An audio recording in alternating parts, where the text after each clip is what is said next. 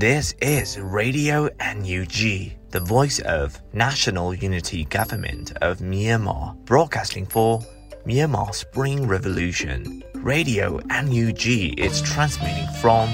shortwave 16 meter 17.79 megahertz at 8:30 a.m. and 25 meter 11.94 megahertz at 8:30 p.m. Myanmar Standard Time. မင်္ဂလာပါခင်ဗျာ အမျိုးသားညီညွတ်ရေးအစိုးရရဲ့အတန်လွင့်ဌာန Radio NUG ကိုမနက်ပိုင်း၈နာရီခွဲမှာလိုင်းတို16မီတာစက္ကန့်တက်သမ9 MHz ညပိုင်း၈နာရီခွဲမှာလိုင်းတို25မီတာ17တက်သမ6 MHz တို့မှာဓာတ်ရိုက်ဖမ်းယူနိုင်နိုင်ပါပြီမင်္ဂလာအပေါင်းနဲ့ပြည့်စုံကြပါစေအခုချိန်ကစပြီး Radio NUG အစီအစဉ်တွေကိုဓာတ်ရိုက်အတန်လွှင့်ပေးနေပါပြီ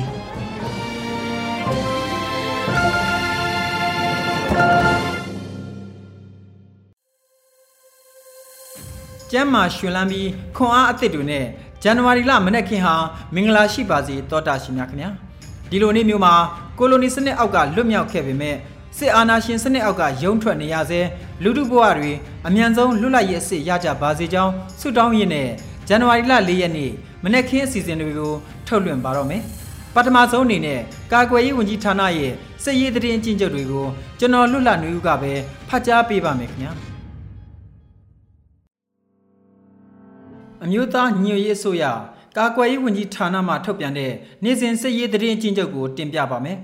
တိုက်ပွဲများမှာအကြမ်းဖက်စစ်ကောင်စီမှရန်သူတပ်သား28ဦးသေဆုံးပြီး4ဦးဒဏ်ရာရတယ်လို့သတင်းရရှိပါတယ်အဆိုပါ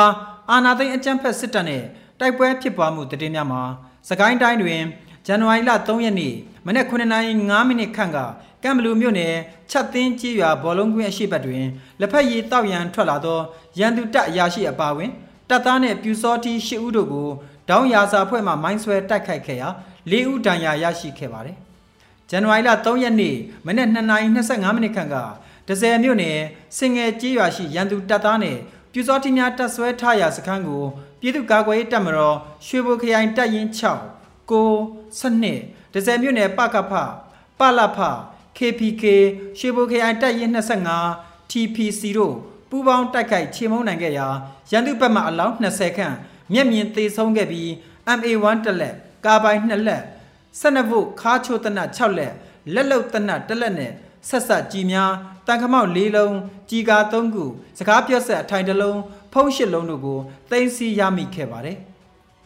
ဇန်နဝါရီလ2ရက်နေ့မနက်3:30မိနစ်ခန့်ကမုံရွာမြို့နယ်အနောက်မြောက်တိုင်းစစ်ဌာနချုပ်အတွင်းရှိရန်သူများအား ပြည်သူ့ကာကွယ်ရေးတပ်မတော်မုံရွာခရိုင်အမှတ်နှစ်တပ်ရင်းတပ်ခွဲလေး54 people အဖွဲ့မှလက်လုံ60မမ10လုံးဖြင့်ပြစ်ခတ်တိုက်ခိုက်ခဲ့ပါတယ်။ဇန်နဝါရီလ2ရက်နေ့နေ့လယ်တနာရီ24မိနစ်ခန့်ကမုံရွာမြို့နယ်မြေနဲနဲ့မုံညင်ကြားငိမ့်ချမ်းရေးကျောင်းမှထွက်လာသောရန်သူတပ်သား100ခန့်ပါစစ်ကြောင်းကိုငိမ့်ချမ်းရေးကျောင်းမြောက်ဘက် Peace Tech Task Force နဲ့ The Brightness မုံရွာပူးပေါင်းအဖွဲ့တို့က ပရိဒါမိုင်း၃လုံးဖြင့်မိုင်းဆွဲတိုက်ခိုက်ခဲ့ကြပါတယ်။မန္တလေးတိုင်းမှာဇန်နဝါရီလ2ရက်နေ့မနက်10:00နာရီခန့်ကမတရားမြို့နယ်လမိုင်းရွာနဲ့တောင်ကန်ရွာကြားတွင်ရွာသားရွာမှထွက်လာသောအင်အား40ခန့်ပါသည့်ရန်သူတပ်ချီလျင်စစ်ကြောင်းအားမန္တလေးမြို့ပြပျောက်ကြားတပ်ဖွဲ့မှမြတ်နန္ဒာစစ်စင်ရေးဖြင့်မိုင်းနှလုံးဆွဲတိုက်ခိုက်ခဲ့တာကြောင့်ရန်သူတပ်သား9ဦးသေဆုံးခဲ့ပြီးအများအပြားထိခိုက်ဒဏ်ရာရရှိခဲ့ပါတယ်။ ပဲခူးတိုင်းတွင်ဒီဇင်ဘာလ2ရက်နေ့နေ့လယ်09:30မိနစ်ခန့်ကပေါင်းတယ်မြို့နယ်နွားကြံကုန်းအုပ်စုကုန်းသားရွာဆယ်မြောင်းရုံနှိရှိစစ်စေးရေးဂိတ်ကိုပေါင်းတယ်မြို့နယ်ပြည်သူ့ကာကွယ်ရေးတပ်ဖွဲ့တပ်ရင်း3631တပ်ခွဲ9ຫນွေဦးတပ်ဖွဲ့ကမိုင်းဆွဲတိုက်ခိုက်ခဲ့ရာရန်သူတအုပ်သေဆုံးခဲ့ပါတယ်။ဆက်လက်ပြီးအာနာသိန်းအကြမ်းဖက်စစ်တပ်ကျူးလွန်ခဲ့တဲ့ရာဇဝတ်မှုတွေကိုတင်ပြပါမယ်။ကချင်ပြည်နယ်တွင်ဇန်နဝါရီလ3ရက်နေ့နေ့လယ်3:45မိနစ်ခန့်က မိုးကောင်းမြို့နယ် KIA တပ်မဟာ8တပ်ရင်း9နယ်မြေအေယာဝတီမြစ်နယ်မိုးကောင်းချောင်းအနီးတစ်ဝိုက်ရှိရွှေဖောင်များကိုရန်သူတပ်က Jet Fighter 2စီး MI35 တစည်းဖြင့်ဘုံကျဲတိုက်ခိုက်သွားခဲ့ပါတယ်။ကရင်နီကရားပြည်နယ်တွင်ဇန်နဝါရီလ3ရက်နေ့မနက်7:00နာရီခန့်ကလွိုင်ကော်မြို့နယ်ဒေါ်မူကလားရွာတွင်းသို့ရန်သူတပ်ပစ်လိုက်သောလက်နက်ကြီးလေးလုံးကျရောက်ပြီးပြည်သူနေအိမ်တစ်လုံးပျက်စီးသွားပါတယ်။ဒေသခံပြည်သူတို့လည်းထိခိုက်ဒဏ်ရာရရှိခဲ့တယ်လို့သိရပါတယ်။ ရှမ်းပြည်နယ်တွင်ဇန်နဝါရီလ3ရက်နေ့ကညောင်ရွှေမြို့နယ်ရှိအင်းဒိန်ရွာတောင်ပို့ကြီးကျေးရွာခခေါင်တိုင်ကြေးရွာနဲ့တုံးလေရွာတို့မှဒေသခံအရသား40ခန့်ကိုရန်သူတပ်ကမတရားဖမ်းဆီးခဲ့တယ်လို့သိရပါတယ်ခင်ဗျာမန္တလေးတိုင်းတွင်ဇန်နဝါရီလ3ရက်နေ့နေ့လယ်ပိုင်းကမန္တလေးမြို့တန်ခါတမကမန္တလေးမှဥအာစာရတပိတ်ခင်အားရန်သူတပ်များကဖမ်းဆီးသွားခဲ့ကြောင်းသိရပါတယ်ရန်ကုန်တိုင်းတွင်ဇန်နဝါရီလ2ရက်နေ့ည9:48မိနစ်ခန့်က မယန်းကုန်းမြို့နယ်အမှတ်2ရပ်ကွက်အုပ်ချုပ်ရေးမှူးရုံး၏အတွင်းရေးမှူးဟောင်းဦးစိန်လှအောင်၏သားကိုရန်သူတပ်ဖွဲ့ဝင်များကဖမ်းဆီးခဲ့ကြပါတယ်။ဇန်နဝါရီလ2ရက်နေ့ညနေ9:30မိနစ်ခန့်ကလမ်းမတော်မြို့နယ်အမှတ်9လမ်းတွင် NLD ပါတီဝင်ကိုသိန်းစော၏နေအိမ်ကိုရန်သူအဖွဲ့ဝင်များကချိတ်ပိတ်ပစ်ခဲ့ကြပါတယ်။ယခုတင်ပြပေးခဲ့တဲ့သတင်းတွေကိုမြေပြင်သတင်းတာဝန်ခံတွေနဲ့ခိုင်လုံသောမိဘသတင်းရင်းမြစ်များမှအခြေခံတင်ပြခဲ့ခြင်းဖြစ်ပါတယ်ခင်ဗျာ။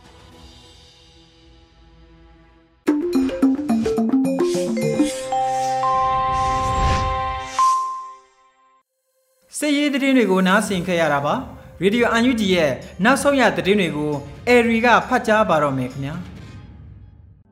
မင်္ဂလာပါရှင်2023ခုနှစ်ဇန်နဝါရီလ4ရက်နေ့မနက်ခင်းပြည်တွင်သတင်းတွေကိုတင်ပြပေးတော့မှာဖြစ်ပါတယ်ကျွန်မကတော့အေရီပါရှင်ပထမဆုံးအနေနဲ့စီးရင်စစ်အဖွဲ့ရဲ့စစ်ဆေးမှုကိုတိတိကျကျခံယူဖို့လိုတယ်လို့အစိုးရအဖွဲ့ကိုယာယီသမရကပြောကြားလိုက်တဲ့သတင်းကိုတင်ပြပေးပါမယ် ဇန်နဝါရီလ3ရက်နေ့မှာကျင်းပပြုလုပ်တဲ့အစိုးရဖွဲ့အစည်းအဝေးမှာယာယီသမရဒူဝါလက်ရှိလာကအခုလိုဆိုခဲ့တာပါကျွန်တော်တို့မှာရှိထားတဲ့ရထားတဲ့အရင်းမြစ်တွေကိုတော်လိုင်းရေးအရွေးတစ်ခုဖြစ်အောင်အလေလွင့်မရှိပဲစီမံခန့်ခွဲနိုင်မှုအတွက်အလွန်အရေးကြီးပါတယ်။ထိရောက်တဲ့စီမံကွက်ကဲမှုတွေဖြစ်ဖို့အတွက်ကျွန်တော်တို့အားလုံးစနစ်တကျလှုပ်ဆောင်ရပါလိမ့်မယ်။ငွေကြေးသုံးစွဲမှုအပိုင်းမှာအမှန်တကယ်လိုအပ်တဲ့နေရာမှာသုံးစွဲတတ်ဖို့နဲ့အလေလွင့်မရှိအောင်သုံးစွဲနိုင်ဖို့နဲ့စီရင်စစ်အဖွဲ့ရဲ့စစ်ဆေးမှုကိုတိတိကျကျခံယူဖို့လိုပါတယ်။ စီမံဘဏ္ဍာကော်မရှင်ရဲ့ငွေကြေးသုံးစွဲမှုဆိုင်ရာမူဝါဒ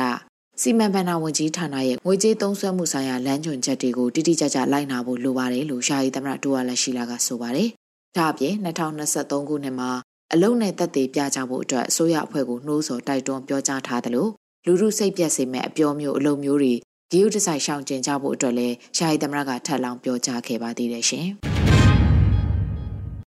ဆက်လက်ပြီးတော်လိုင်းအင်အားစုတွေအားလုံးဟာဘုံရီမှန်းချက်ပန်းနိုင်ဖြစ်တဲ့အာဏာရှင်စနစ်ကိုအမြင့်ဖြတ်တွန်းလှန်မှုကြိုးပမ်းနေကြပြီလို့ပြည်ထောင်စုဝန်ကြီးချုပ်ကဆိုလိုက်ပါတယ်။ဇန်နဝါရီလ3ရက်နေ့ကအစိုးရဖွဲ့အစည်းအဝေးမှာပဲပြည်ထောင်စုဝန်ကြီးချုပ်မန်ဝင်းခိုင်တန်းကအခုလိုဆိုခဲ့တာပါ။တော်လိုင်းအင်အားစုတွေအနေနဲ့တစုတစည်းတဲ့စုပေါင်းပြီးအကြမ်းဖက်စစ်အုပ်စုကိုတွန်းလှန်ဖို့ခိုင်ခိုင်မာမာနဲ့အသင့်ရှိနေပြီဆိုတာကိုလည်းမနေ့ကထုတ်ပြန်ခဲ့တဲ့ပူးတွဲထုတ်ပြန်ကြေညာချက်ကိုကြည့်ရင်မြင်နိုင်မှာဖြစ်ပါတယ်။ကျွန်တော်တို့တော်လိုင်းအင်အားစုတွေအားလုံးဟာဘုံ ရီမှန်းချက်ပန်းနိုင်ဖြစ်တဲ့ဆရာနာရှင်စနစ်ကိုအမြင့်ဖြတ်တွန်းလှန်ပြီးအနည်း80ကျော်ရှေ့ကြခဲ့ပြီးဖြစ်တဲ့မြန်မာနိုင်ငံရေးပြဿနာတွေကိုအပြီးတိုင်ဖြေရှင်းနိုင်မှုကြိုးပမ်းနေကြတာဖြစ်ပါတယ်။ဒီမှန်းချက်ကိုစုပ်ကိုင်ပြီးလက်တွဲညီညီနဲ့ရှေ့ဆက်ကြဖို့လဲအစုအဖွဲ့တွေအားလုံးကစိတ်အားထက်သန်စွာဆုံးဖြတ်ထားကြပြီးလဲဖြစ်ပါတယ်လို့ဆိုပါတယ်။လက်ရှိမှာအမျိုးသားညီညွတ်ရေးအစိုးရနဲ့ KNU KIA စတဲ့တိုင်းသားတော်လှန်ရေးအင်အားစုတွေဟာစစ်ရေးနိုင်ငံရေးပူးပေါင်းဆောင်ရွက်လျက်ရှိနေကြပြီဖြစ်ပါတယ်ရှင်။ ဂျာကာလာဒေသန္တရအုပ်ချုပ်ရေးဖော်ဆောင်ခြင်းရဲ့အဓိကရှိမှန်းချက်ကတော်လှန်ရေးအမြန်အဆုံးသတ်ပြီးအုပ်ချုပ်ရေးရန်တရားကိုအပြီးတိုင်လွှဲပြောင်းရယူနိုင်မှုဖြစ်တယ်လို့ပြည်ထောင်စုဝန်ကြီးပြောဆိုလိုက်တဲ့သတင်းကိုလည်းဆက်လက်တင်ပြပေးပါမယ်။မနေ့ကဇန်နဝါရီလ3ရက်နေ့မှာကျင်းပတဲ့ဂျာကာလာဒေသန္တရပြည်သူ့အုပ်ချုပ်ရေးဖော်ဆောင်မှုဗဟိုကော်မတီနဲ့ရန်ကုန်တိုင်းမန္တလေးတိုင်းနဲ့မကွေးတိုင်းလွှတ်တော်ကိုစားပြုကော်မတီရဲ့တွေ့ဆုံဆွေးနွေးပွဲမှာပြည်ထောင်စုဝန်ကြီးဦးလွင်ကိုလက်ကအခုလိုပြောကြားခဲ့ပါတယ်။ ဂျာကာလာဒေသန္တရအုပ်ချုပ်ရေးဖော်ဆောင်ခြင်းရဲ့အဓိကရည်မှန်းချက်ဖြစ်တဲ့တော်လှန်ရေးအမြန်အဆုံးသတ်ပြီးအုပ်ချုပ်ရေးရန်တရားကိုအပြီးတိုင်လွှဲပြောင်းရယူနိုင်ရန်ဖြစ်ကြောင်းတနစ်မဟာဗျူဟာကိုအကောင့်ထဲဖော်ရမှာစစ်ရေးတာမကလူမှုလှုပ်ရှားမှုဆိုင်ရာတွေဟာမဟာဗျူဟာမှာများစွာပါဝင်မှာကြောင်းလူမှုတိုက်ပွဲဖော်ဆောင်တဲ့ကိစ္စတွေမှာသက်ဆိုင်ရာပါအဖာတွေကမြေပြင်မှာရှိတဲ့တပိတ်ကော်မတီအဖွဲ့အသီးသီးနဲ့ပေါင်းဆက်ညှိနှိုင်းပြီးဟန်ချက်ညီညီဆောင်ရွက်ရမယ့်အပိုင်းတွေလည်းရှိပါကြောင်းအခုချိန်ဟာတိုးတက်မှုနဲ့စိန်ခေါ်မှုတွေရှင်တွဲလျက်ရှိပြီး စိန်ခေါ်မှုတွေကိုအပြန်အလှန်ပွင့်လင်းမြင်သာမှုလေးစားမှုယုံကြည်မှုနဲ့ပုံမူတည်ဆောက်ရမှာဖြစ်ကြောင်းဝန်ကြီးကဆိုပါတယ်။အဲဒီနောက်မှာတက်ရောက်လာကြတဲ့ဂျာကာလာဒေသန္တရပြည်သူ့အုပ်ချုပ်ရေးဖော်ဆောင်မှုဗဟိုကော်မတီအဖွဲ့ဝင်တွေကလုပ်ငန်းဆောင်ရွက်ချက်တွေရှေ့လုပ်ငန်းစဉ်တွေနဲ့ပတ်သက်ပြီးရှင်းလင်းပြောကြားခဲ့ပြီးတက်ရောက်လာတဲ့တိုင်းဒေသကြီးလွှတ်တော်ကိုစားပြုကော်မတီဝင်တွေကမူဝါဒပိုင်းဆိုင်ရာတွေကြုံတွေ့နေရတဲ့အခက်အခဲတွေသိရှိလိုတာတွေကိုဆွေးနွေးမေးမြန်းကြသလိုဝန်ကြီးဌာနကဌာနဆိုင်ရာတာဝန်ရှိသူတွေကလည်းပြန်လည်ဖြေကြားခဲ့ကြပါတယ်။ အစည်းအဝေးကိုဂျာကာလာဒေသန္တရပြည်သူ့အုပ်ချုပ်ရေးဖော်ဆောင်မှုဗဟိုကော်မတီဥက္ကဋ္ဌပြည်ထောင်စုဝန်ကြီးချုပ်မန်ဝင်းခိုင်တန်းဦးဆောင်ပြီးပြည်ထောင်စုဝန်ကြီးတွေဒုတိယဝန်ကြီးတွေအမြဲတမ်းအတွင်းဝင်တွေနဲ့ဌာနဆိုင်ရာကတာဝန်ရှိသူတွေရန်ကုန်တိုင်းမန္တလေးတိုင်းနဲ့မကွေးတိုင်းလွှတ်တော်ကိုစားပြုကော်မတီဝင်တွေတက်ရောက်ခဲ့ကြတယ်လို့သိရရှိပါတယ်ရှင်။ဆက်လက်ပြီးလူခွင့်ရေးဆိုင်ရာဝန်ကြီးဌာနဟာနိုင်ငံတော်စီရင်စစ်ရုံးရဲ့စီရင်စစ်ဆေးမှုကိုပထမဆုံးခံယူခဲ့တဲ့ဝန်ကြီးဌာနဖြစ်တဲ့အကြောင်းကိုလည်းတင်ပြပေးပါအောင်မယ်။ဇန်နဝါရီလ3ရက်နေ့မှာ လူခွင့်ရေးဆိုင်ရာဝန်ကြီးဦးအောင်မျိုးမင်းကအခုလိုပြောပါတယ်။အစိုးရတရက်ဖြစ်တဲ့အတွက်ဝင်ငွေထွက်ငွေစီရင်တည်တည်ချာချာပြုစုရပါတယ်။နိုင်ငံတော်စီရင်စစ်ချုပ်ရုံးကစီရင်စစ်ချင်းကိုခံယူရပြီးလိုအပ်တဲ့တက်တည်မှတ်တမ်းအထောက်အထားတွေကိုပံ့ပိုးပေးရပါတယ်။စီရင်စစ်အဖွဲ့ရဲ့မေးမြန်းစစ်ဆေးချက်တွေကိုခံယူပြီးမှသာသတ်မှတ်ထားတဲ့အဆင့်တွေအတွက်စီရင်စစ် PC ကြောင့်အသိမှတ်ပြုခံရတာဖြစ်ပါတယ်။ လူခွင့်ရေးဆိုင်ရာဝန်ကြီးဌာနဟာနိုင်ငံတော်စီရင်စစ်ရုံးရဲ့စီရင်စစ်ဆေးမှုကိုပထမဆုံးခံယူခဲ့ပြီးပြည်စုံတယ်လို့သတ်မှတ်ခံခဲ့ရတဲ့ဝန်ကြီးဌာနတွေကဌာနတစ်ခုဖြစ်ပါတယ်လို့ဝန်ကြီးကဆိုထားပါတယ်။လူခွင့်ရေးဆိုင်ရာဝန်ကြီးဌာနဟာဆရာနာရှင်ကိုပိတ်ဆို့အရေးယူရေးအပါအဝင်စစ်ရာဇဝဲမှုတွေကိုမှတ်တမ်းပြုစုပြီးနိုင်ငံတကာရာဇဝဲခုံရုံးတွေမှာတရားစွဲအရေးယူနိုင်ရေးကိုလည်းကြိုးပမ်းဆောင်ရွက်လျက်ရှိနေပါတယ်ရှင်။ပြည်ထောင်ဝင်ကြီးအမိန့်နဲ့မြင်းမှုမျိုးနဲ့မိဘလုံခြုံရေးအဖွဲ့ကိုဖွဲ့စည်းလိုက်တဲ့တဲ့တင်ကိုလည်းတင်ပြပေးပါမယ်။ ဇန်နဝါရီလ3ရက်နေ့မှာမြင်းမှုမျိုးနဲ့မိဘလုံခြုံရေးအဖွဲ့ကိုအမိန့်ကြေညာစာအမှတ်30မြင်းဆောင်2022နဲ့ထုတ်ပြန်ဖွဲ့စည်းလိုက်တာဖြစ်ပါတယ်။အမျိုးသားညီညွတ်ရေးအစိုးရပြည်ထောင်နဲ့လူဝဲမှုကြီးကြပ်ရေးဝန်ကြီးဌာနမိသက်ဦးစီးဌာနကစကိုင်းတိုင်းဒေသကြီးစကိုင်းခရိုင်မြင်းမှုမျိုးနယ်အတွင်းအကြမ်းဖက်စစ်ကောင်စီရဲ့မိရှုဖျက်ဆီးမှုတွေကိုကာကွယ်နိုင်ဖို့မိငိမ့်တပ်ရေးနဲ့ရှာဖွေကယ်ဆယ်ရေးလုပ်ငန်းတွေကိုဆောင်ရွက်နိုင်မှုအတွက်မြင်းမှုမျိုးနဲ့မိဘလုံခြုံရေးအဖွဲ့ကိုဖွဲ့စည်းလိုက်တယ်လို့ဖော်ပြပါတယ်။ စကိုင်းတိုင်းအတွင်းမှာအကြမ်းဖက်စစ်ကောင်စီတပ်တွေဟာနေစဉ်ရက်ဆက်ကြီးရွာတွေကိုမိရှုဖျက်ဆီးလျက်ရှိနေတာလည်းဖြစ်ပါတယ်ရှင်။မန္တလေးရခညီနောင်ပြည်သူ့ကာကွယ်ရေးတပ်ဖွဲ့ကလက်နက်ငယ်တွေထုတ်လုပ်နေပြီဖြစ်တဲ့တဲ့တင်ကိုလည်းတင်ပြပေးပါမယ်။မန္တလေးရခညီနောင်ပြည်သူ့ကာကွယ်ရေးတပ်ကထုတ်လုပ်တဲ့အဆိုပါလက်နက်ငယ်တွေကိုဇန်နဝါရီလအတွင်းမှာဖော်ထုတ်ပြသခဲ့တာဖြစ်ပါတယ်။မိဘပြည်သူတွေရဲ့ယုံကြည်စွာကိုညီထောက်ပံ့မှုနဲ့ထုတ်လုပ်ထားခြင်းဖြစ်ပါတယ်မိဘပြည်သူတွေရဲ့ကူညီမှုနဲ့အတူ စစ်ကောင်စီထောက်တိုင်တွေဖြိုချဖို့မိမိတို့အနေနဲ့အချိန်ပေးတုံးဆက်လက်စ조사ထုတ်လုပ်ရန်လိုအပ်နေပါတယ်လို့ဆိုပါတယ်။မန္တလေးရခညီနောင်ပြည်သူ့ကာကွယ်ရေးတပ်ဖွဲ့ဟာဆရာနာရှင်စနစ်ပြုတ်ကျသည့်အထိတော်လှန်သွားမယ်လို့လည်းဆိုထားပါတယ်ရှင်။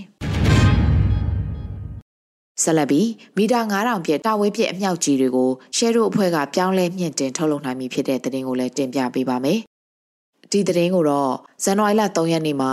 ရှယ်ရိုထုတ်လုပ်ရေးနဲ့လက်နက်ကြီးအဖွဲ့ကအသိပေးဖော်ပြခဲ့တာဖြစ်ပါတယ်။ အရေးသွေးမြင့်တင်နေတဲ့အချိန်ကာလဖြစ်တဲ့အားလျော်စွာစိန်ပြောင်းကြီးနဲ့မီတာ9000ပြည့်တာဝေးပြည့်အမြောက်ကြီးတွေကိုအရင်အချိန်ကတန်ပိုက်ကိုအခြေခံပြီးအသုံးပြုထုတ်လုပ်လာခဲ့ရကအခုလက်ရှိအချိန်မှာတတုအရေးကြိုမိုးလောင်းစနစ်နဲ့ကျွန်တော်တို့ share တို့ထုတ်လုပ်ရေးနဲ့လက်နက်ကြီးအဖွဲ့ကပြောင်းလဲမြင့်တင်ထုတ်လုပ်နိုင်ခဲ့ပါပြီလို့ဆိုပါတယ်။လက်ရှိမှာအဆိုပါအမြောက်ကြီးတွေကိုလုံလောက်တဲ့ပစ္စည်းအရေးအတွက်ထုတ်လုပ်နိုင်မှုငွေကြေးအခက်အခဲတွေလည်းရှိနေတယ်လို့ဆိုထားပါတယ်ရှင်။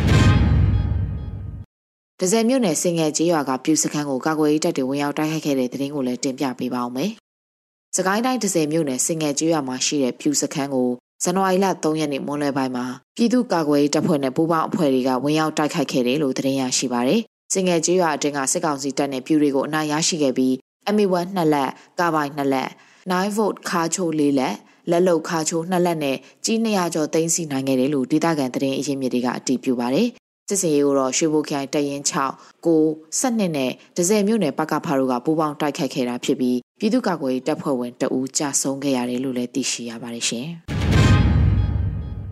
ဖျားသုံးစုမြို့နယ်တောင်စွန်းကျေးရွာကအကြမ်းဖက်စစ်ကောင်စီတပ်ရဲ့တတိယမြောက်စခန်းကုန်းဖြစ်တဲ့ဗျူဟာကုန်းကိုထပ်မံသိမ်းပိုက်နိုင်မှုစ조사နေတယ်လို့ Lion Battalion Commando ကအသိပေးတဲ့သတင်းကိုတင်ပြပေးပါမယ်။ ကင်ပြည်နယ်ဖျားသုံးစုမြို့နယ်တောင်စွန်ကျေးရွာကအကြမ်းဖက်စစ်ကောင်စီတပ်ရဲ့တတိယမြောက်စခန်းကုန်းဖြစ်တဲ့ဗျူဟာကုန်းကိုထပ်မံသိမ်းပိုက်နိုင်မှုစ조사နေတယ်လို့ Lion Battalion Commando ကအသိပေးဆိုပါတယ်။ဇန်နဝါရီလ3ရက်နေ့အထိ၄ရက်မြောက်တိုက်ပွဲပြင်းထန်နေရှိတယ်လို့ဖော်ပြထားပါတယ်။ဖျားသုံးစုမြို့နယ်တောင်စွန်ကျေးရွာရှိအကြမ်းဖက်စစ်ကောင်စီရဲ့လက်အောက်ခံဖြစ်တဲ့ BGF စခန်းကုန်းနှစ်ခုကိုဒီနေ့အချိန်ထိအောင်မြင်စွာသိမ်းပိုက်ထားနိုင်ပြီးတတိယမြောက်စခန်းကုန်းဖြစ်တဲ့အကြမ်းဖက်စစ်ကောင်စီရဲ့ဗျူဟာကုန်းကိုထပ်မံသိမ်းပိုက်နိုင်ရန် ကော့တူးလီအာမီရဲ့ဗျူဟာမှုဘိုးအဲစေဝါဦးဆောင်တဲ့ Lion Battalion Commando ဗျူဟာစစ်ကြောင်းနဲ့တခြားပူးပေါင်းမဟာမိတ်တပ်ဖွဲ့တွေကစ조사လျက်ရှိပါတယ်လို့ဆိုထားပါတယ်။အဆိုပါအကြမ်းဖက်စစ်ကောင်စီရဲ့စကန်သိန်းတိုက်ပွဲတွေကိုယမန်နှစ်2022ခုနှစ်ဒီဇင်ဘာလ31ရက်နေ့ကစတင်ခဲ့ရမှာ2023ခုနှစ်ဇန်နဝါရီလ3ရက်နေ့အထိရောက်ရှိလာခဲ့ပြီး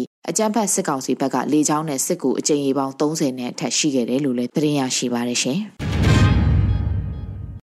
ဆက်လက်ပြီးကလေးမြို့နယ်အရှေ့ပိုင်းကိုဦးတီစစ်ကြောင်းထိုးလာတဲ့အကြမ်းဖက်စစ်ကောင်စီတပ်ဖွဲ့ကိုမိုင်းခွဲတိုက်ခိုက်ခဲ့တဲ့တဲ့ရင်ကိုတင်ပြပေးပါမယ်။ကလေးမြို့နယ်အရှေ့ပိုင်းကိုဦးတီစစ်ကြောင်းထိုးလာတဲ့အကြမ်းဖက်စစ်ကောင်စီတပ်တပ်ဖွဲ့ကိုမိုင်းခွဲတိုက်ခိုက်လိုက်ရမှာ၄ဦးထိခိုက်သေးဆုံးနိုင်တယ်လို့ဇန်နဝါရီလ3ရက်နေ့မှာ People Defense Force ကလေးကစစ်ရေးသတင်းကိုထုတ်ပြန်ပါတယ်ဇန်နဝါရီလ2ရက်မနက်ပိုင်းမှာကလေးမျိုးပြင်သားရက်ကွက်ကကလေးမျိုးနယ်အရှိပိုင်းကိုဦးတီစစ်ကြောင်းထိုးလာတဲ့အကြမ်းဖက်စစ်ကောင်စီတပ်ဖွဲ့အင်အား60ဝန်းကျင်ခန့်ကို PDF ကလေးမိုင်းတပ်ဖွဲ့နဲ့ပူးပေါင်းတပ်ဖွဲ့အောင်မြစ်တာအဖွဲ့တို့ကအသင့်တက်ဆင်ထားတဲ့မိုင်းလေးလုံးနဲ့ကလေးမျိုးပြင်သားရက်ကွက်အနီးမှာဖောက်ခွဲတိုက်ခိုက်ခဲ့ပါတယ်လို့ဆိုပါတယ်။မိုင်းဖောက်ခွဲတိုက်ခိုက်မှုတွင်အကြမ်းဖက်စစ်ကောင်စီတပ်ဖွဲ့ဝင်၄ဦးထိခိုက်ဒေဆုံးနိုင်ပြီးကြံတပ်ဖွဲ့ဝင်အများအပြားထိခိုက်မှုရှိတယ်လို့လည်းသတင်းရရှိပါတယ်။အကြမ်းဖက်စစ်ကောင်စီတပ်ဖွဲ့တွေဟာမိုင်းဖောက်ခွဲရအနီးပတ်ဝန်းကျင်မှာ10မိနစ်လောက်ရန်ကပြစ်ခတ်ခဲ့ကြတယ်လို့လည်းသိရှိရပါတယ်ရှင်။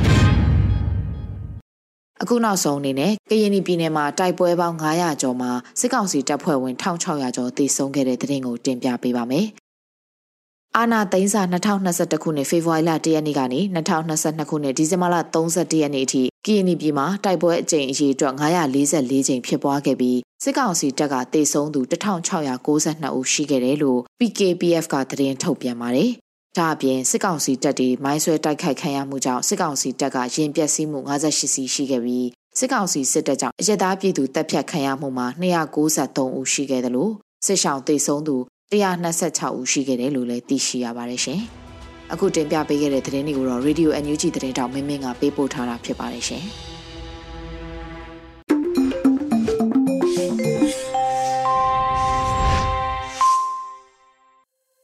ရေဒီယိုအန်ယူဂျီမှဆက်လက်တန်လွှင့်လျက်ရှိပါတယ်။အခုတခါ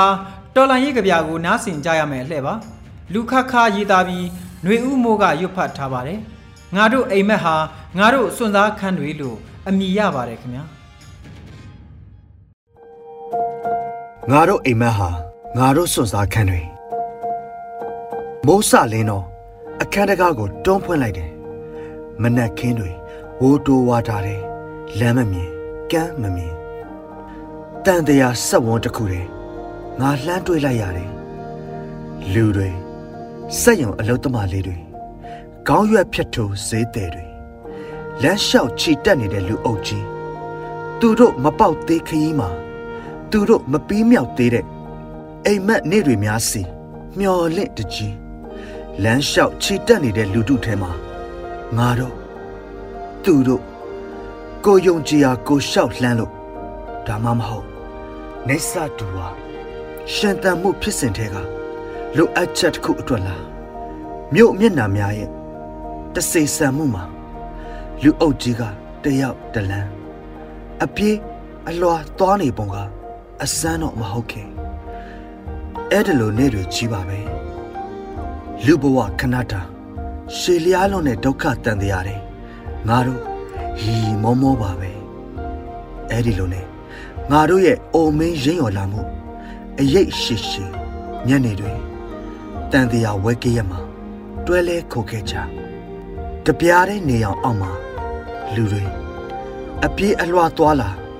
လှုပ်ရှားနေတဲ့မြင်ကွင်းဟာရင်သက်ရှုမောဖွယ်ဟာငါတို့အိမ်မက်တွေဟာငါတို့ရဲ့စွန်စားခန်းနေတွေပဲငါတို့ရဲ့အိမ်မက်ဟာကြောက်ကပါဆုံးမှာပွင့်နေတဲ့ပန်းပဲလူခခ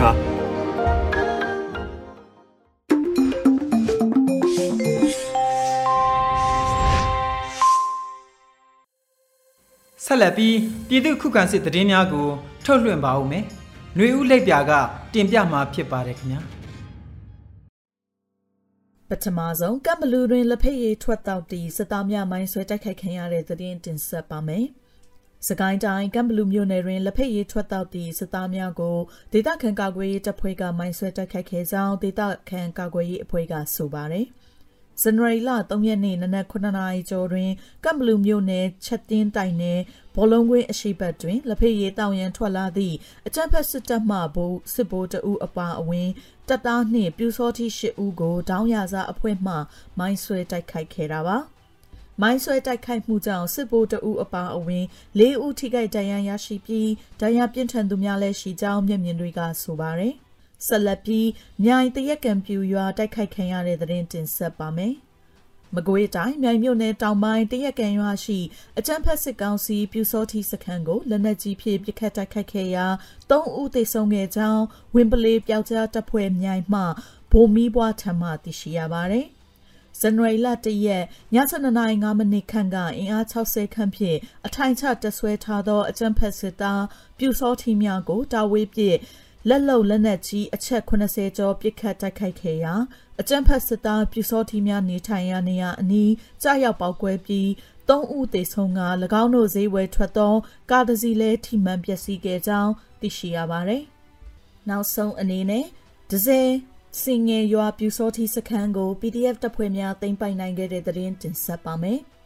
စကိုင်းတိုင်းဒဇယ်မြို့နယ်စင်ငယ်ရွာရှိပြူစောထီစခန်းကို PDF တပ်ဖွဲ့များသိမ်းပိုင်နိုင်ခဲ့ပြီးစစ်တပ်ဘက်ကတေဆုံးသူများခဲ့ကြောင်းဒဇယ်ပကဖအဖွဲ့ထံမှသိရှိရပါတယ်။ဇန်နဝါရီလ3ရက်နေ့နနက်အစောပိုင်း2:30မိနစ်တွင်ဒဇယ်မြို့နယ်၌အချမ်းဖက်စစ်တပ်ကလက်နက်တပ်ဆင်ထားသောစင်ငယ်ကြီးရွာရှိပြူစခန်းကိုဒေသခံကာကွယ်ရေးတပ်ဖွဲ့များကဝင်ရောက်တိုက်ခိုက်ခဲ့ပြီးစစ်တပ်ဖက်မှ30ဦးခန့်သေဆုံးက PDF ရဲဘော်တအူးကြာဆုံးခဲ့ကြောင်း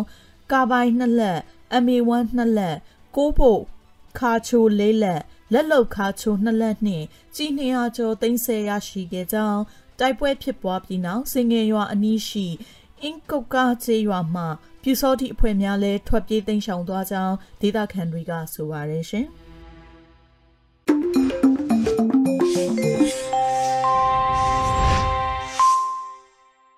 ရေဒီယိုအန်ယူဂျီရဲ့မနေ့ပိုင်းအစီအစဉ်နောက်ဆုံးအနေနဲ့ PVTV ရဲ့နေ့စဉ်သတင်းတွေကိုထက်ထက်အင်ဒရာအောင်ကဖတ်ကြားမှာဖြစ်ပါတယ်ခင်ဗျာအခုချိန်ကစပြီး PVTV သတင်းတွေကိုတင်ဆက်ပေးတော့မှာပါကျွန်မထက်ထက်အင်ဒရာအောင်ပါ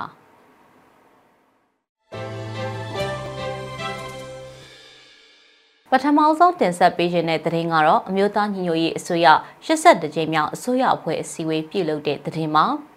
အမျိုးသားညီညွတ်ရေးအစိုးရရဲ့82ကြိမ်မြောက်အစိုးရအဖွဲ့အစည်းအဝေးကိုဒီကနေ့မနက်10:00နာရီမှာပြုလုပ်ခဲ့ပါတယ်။အစည်းအဝေးကိုယာယီသမရဒူဝါလရှိလာပြည်ထောင်စုဝန်ကြီးချုပ်မန်ဝင်းခိုင်တန်းတို့အပါအဝင်ပြည်ထောင်စုဝန်ကြီးတွေနဲ့ဒုဝန်ကြီးတွေတက်ရောက်ခဲ့ပါတယ်။အစည်းအဝေးမှာယာယီသမရဒူဝါလရှိလာကအဖွင့်မိန်ကွန်းပြောကြားခဲ့ပြီးတဲ့နောက်ပြည်ထောင်စုဝန်ကြီးချုပ်ကမိန်ကွန်းပြောကြားခဲ့ပါတယ်။ယာယီသမရဒူဝါလရှိလာက ကျွန်တော်တို့မှာရှိထားတဲ့ရထားတဲ့အရင်းမြစ်တွေကိုတော်လှန်ရေးအရွေတစ်ခုဖြစ်အောင်အလေးအလွတ်မရှိဘဲစီမံခန့်ခွဲနိုင်မှုအတွက်အလွန်အရေးကြီးပါတယ်။ထိရောက်တဲ့စီမံကွက်ကဲမှုတွေဖြစ်ဖို့အတွက်ကျွန်တော်တို့အားလုံးစနစ်တကျလှုပ်ဆောင်ရပါလိမ့်မယ်။ငွေကြေးသုံးစွဲမှုအပိုင်းမှာအမှန်တကယ်လိုအပ်တဲ့နေရာမှာသုံးစွဲတဖို့နဲ့အလေးအလွတ်မရှိအောင်သုံးစွဲနိုင်ဖို့စည်ရင်းစီအဖွဲ့ရဲ့စစ်ဆေးမှုကိုတိတိကျကျခံယူဖို့လိုပါတယ်။စီမံဘဏ္ဍာကော်မရှင်ရဲ့ငွေကြေးသုံးစွဲမှုဆိုင်ရာမူဝါဒ စီမံဘဏ္ဍာကော်မရှင်ရဲ့ငွေကြေးသုံးစွဲမှုဆိုင်ရာမူဝါဒစီမံဘဏ္ဍာဝန်ကြီးဌာနရဲ့ငွေကြေးသုံးစွဲမှုဆိုင်ရာလမ်းညွှန်ချက်တွေကိုတိတိကျကျလိုက်နာဖို့လိုပါတယ်လို့ယာယီသမရဒူဝါလက်ရှိလာကပြောပါတယ်။ ဒါအပြင်2023ခုနှစ်မှာအလုံနဲ့တက်တည်ပြကြဖို့အတွက်အစိုးရအဖွဲ့ကိုတိုက်တွန်းနှိုးဆော်မှာကြားထားသလိုလူလူစိတ်ပြက်စေမဲ့အပျော်မျိုးအလုံမျိုးတွေကိုဂရုတစိုက်ရှောင်ကျဉ်ကြဖို့အတွက်နဲ့လူလူထံကရရှိတဲ့အထွေထွေရင်းမြစ်တွေကိုတော်လှန်ရေးအောင်မြင်ဖို့အတွက်အလေးအလွတ်မရှိအောင်စနစ်တကျစီမံကွက်ကွဲကြဖို့အလွန်အရေးကြီးတယ်ဆိုတာတွေကိုထည့်သွင်းပြောကြားခဲ့ပါတယ်။ ပြည်ထောင်စုဝန်ကြီးချုပ်မန်ဝင်းခိုင်တန်းကလက်ရှိဆင်နွှဲလျက်ရှိတဲ့စစ်ရေးနိုင်ငံခြားရေးစီးပွားရေးလူမှုရေးနိုင်ငံရေးကဏ္ဍအသီးသီးမှာအကြမ်းဖက်စစ်တပ်အနေနဲ့နလန်မထူနိုင်အောင်ကိုဟန်ကိုဖို့ဖြစ်နေရတဲ့အနေအထားဆိုတာအလုံးလည်းသိရှိပြီးဖြစ်ပါတယ်ဒီအခြေအနေကိုကျွန်တော်တို့ကစုပေါင်းအင်အားနဲ့ဆက်လက်တွန်းသွားဖို့ပဲဖြစ်ပါတယ်။ တော်လှန်ရေးအင်အားစုတွေအနေနဲ့တစုတစည်းတဲ့စုပေါက်ပြီးအကြမ်းဖက်စေအုပ်စုကိုတွန်းလှန်ဖို့ခိုင်ခိုင်မာမာနဲ့အသင့်ရှိနေပြီဆိုတာကိုလည်းမနေ့ကထုတ်ပြန်ခဲ့တဲ့ပူးတွဲထုတ်ပြန်ကြေညာချက်တွေကိုကြည့်ရင်မြင်နိုင်မှာဖြစ်ပါတယ်။ကျွန်တော်တို့ဒေါ်လာရင်းအင်အားစုတွေအလုံးဟာဘုံရီမန်းချက်ပန်းတိုင်းဖြစ်တဲ့ဆီယာနာရှင်စနစ်ကိုအမြင့်ပြတ်တွန်းလှန်ပြီးအနည်း80ကျော်ရှေ့ကျခဲ့ပြီးဖြစ်တဲ့မြန်မာနိုင်ငံရေးပြည်ထနာတွေကိုအပြီးတိုင်ဖြည့်ရှင်းနိုင်ဖို့ကြိုးပမ်းနေကြတာဖြစ်ပါတယ်။ ဒီမှန်းချက်ကိုစုပ်ကိုင်ပြီးလက်တွဲညီညီနဲ့ရှေ့ဆက်ကြဖို့လဲအစုဖွဲ့ရီအလုံးကဆက်အားထက်သန်စွာဆုံးဖြတ်ထားကြပြီးဖြစ်ပါတယ်လို့လည်းပြောကြပါတယ်။ဒါအပြင်ငွေကြီးများအလုံးဒီနှစ်သစ်ကစပြီးရခိုင်ကထက်အလုပ်တွေကိုပုံမှုအားထက်စ조사ဆောင်ရွက်ရင်းပန်းနိုင်ကိုအတူချီတက်ကြဖို့အတွက်တိုက်တွန်းပြောကြားထားပါတယ်။အစည်းအဝေးမှာစီးပွားရေးနဲ့ကုသရေးဝယ်ရေးဝန်ကြီးဌာနပြည်ထောင်စုဝန်ကြီးဒေါက်ခင်မမမျိုးက အစိုးရမှဖွဲ့စည်းထားရှိတဲ့ကောင်စီကော်မရှင်ကော်မတီများဆိုင်ရာအကြံပြုချက်တွေနဲ့ပတ်သက်ပြီးတင်ပြတာပြည်ထောင်စုဝန်ကြီးချုပ်ရုံးအမြဲတမ်းအတွင်းဝင်ဒေါ်ကြည်ပြကအမျိုးသားညီညွတ်ရေးအစိုးရကဖွဲ့စည်းထားတဲ့ကော်မတီတွေနဲ့ပတ်သက်ပြီးရှင်းလင်းတင်ပြတာတွေပြုလုပ်ခဲ့ပါတယ်။အဲဒီနောက်မှာတော့ပြည်ထောင်စုဝန်ကြီးချုပ်ကတင်ပြလာတာတွေကိုပြန်လည်ရှင်းလင်းဆွေးနွေးပြီးယာယီသမရကဏီကုံချုပ်အမှားစကားပြောကြားကအစည်းအဝေးကိုရုပ်သိမ်းခဲ့ပါတယ်။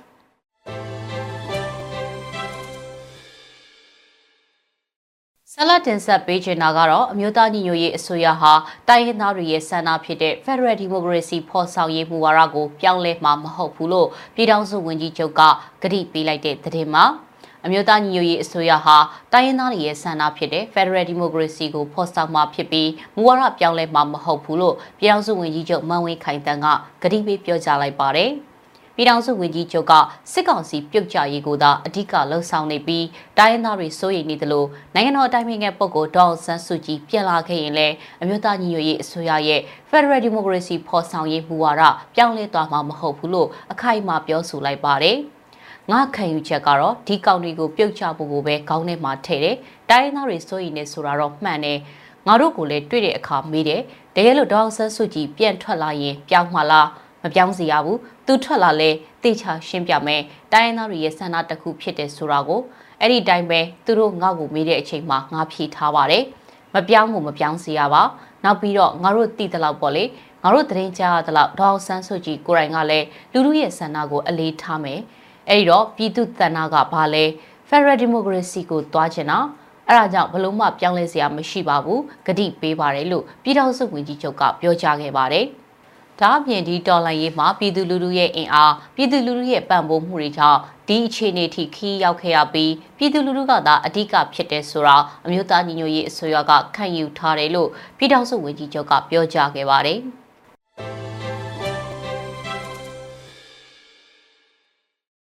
ဆလတ်တင်ဆက်ပေးခြင်းတဲ့သတင်းကတော့စီလုံးညီညွတ်မှုအားနဲ့ဆင်အနာရှင်စနစ်ကိုအမြင့်ဖြုတ်မယ်လို့ AA TNLA နဲ့ MNDAA တို့ညီနောင်မဟာမိတ်သုံးဘွဲ့ကြီးညာလိုက်တဲ့သတင်းမှာ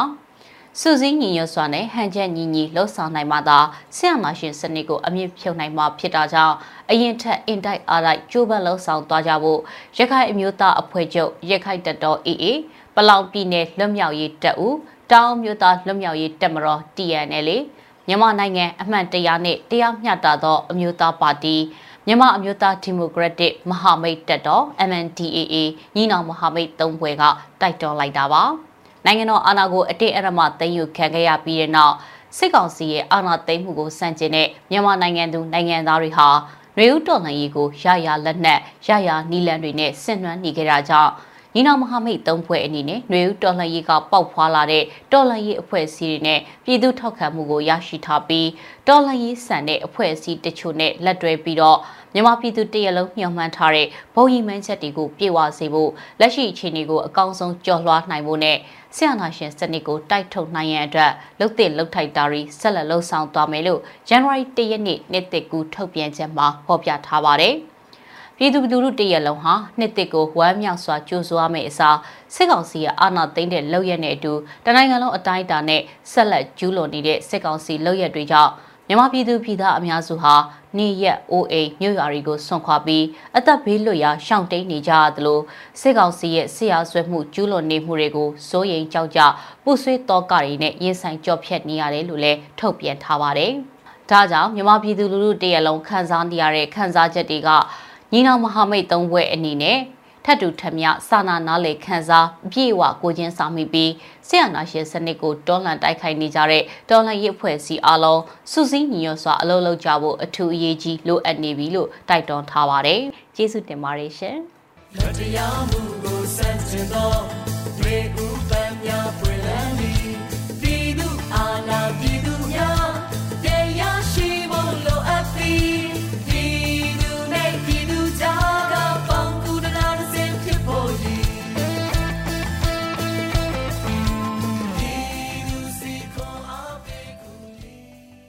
ဒီကနေ့ကတော့ဒီညနေပဲ Radio NUG ရဲ့အစည်းအဝေးတွေကိုခਿੱတရရနိုင်ပါမယ်။မြန်မာစံတော်ချိန်မနက်၈နာရီခွဲနဲ့ည၈နာရီခွဲအချိန်တွေမှာပြန်လည်ဆုံးဖြတ်ကြပါစို့။ Radio NUG ကိုမနက်ပိုင်း၈နာရီခွဲမှာလိုင်းဒို16မီတာစက္ကန့်တသမ9 MHz ညပိုင်း၈နာရီခွဲမှာလိုင်းဒို25မီတာ17သမ6 MHz တို့မှာဓာတ်ရိုက်ဖမ်းယူနားဆင်နိုင်ပါပြီ။မြန်မာနိုင်ငံသူနိုင်ငံသားများကိုယ်စိတ်နှပြကျန်းမာချမ်းသာလို့ ဘေးကင်းလုံခြုံကြပါစေလို့ Radio NUG အဖွဲ့သူအဖွဲ့သားများကဆုတောင်းလိုက်ရပါတယ်။အမျိုးသားညီညွတ်ရေးအစိုးရရဲ့စက်သွေးရေးတရင်အချက်အလက်နဲ့ဤပညာဝန်ကြီးဌာနကထုတ်လွှင့်နေတဲ့ Radio NUG ဖြစ်ပါတယ်။ San Francisco Bay Area အခြေစိုက်မြန်မာမိသားစုများနဲ့နိုင်ငံတကာကစေတနာရှင်များလှုပ်အားပေးများရဲ့ Radio NUG ဖြစ်ပါတယ်။အရေးတော်ပုံအောင်ရမည်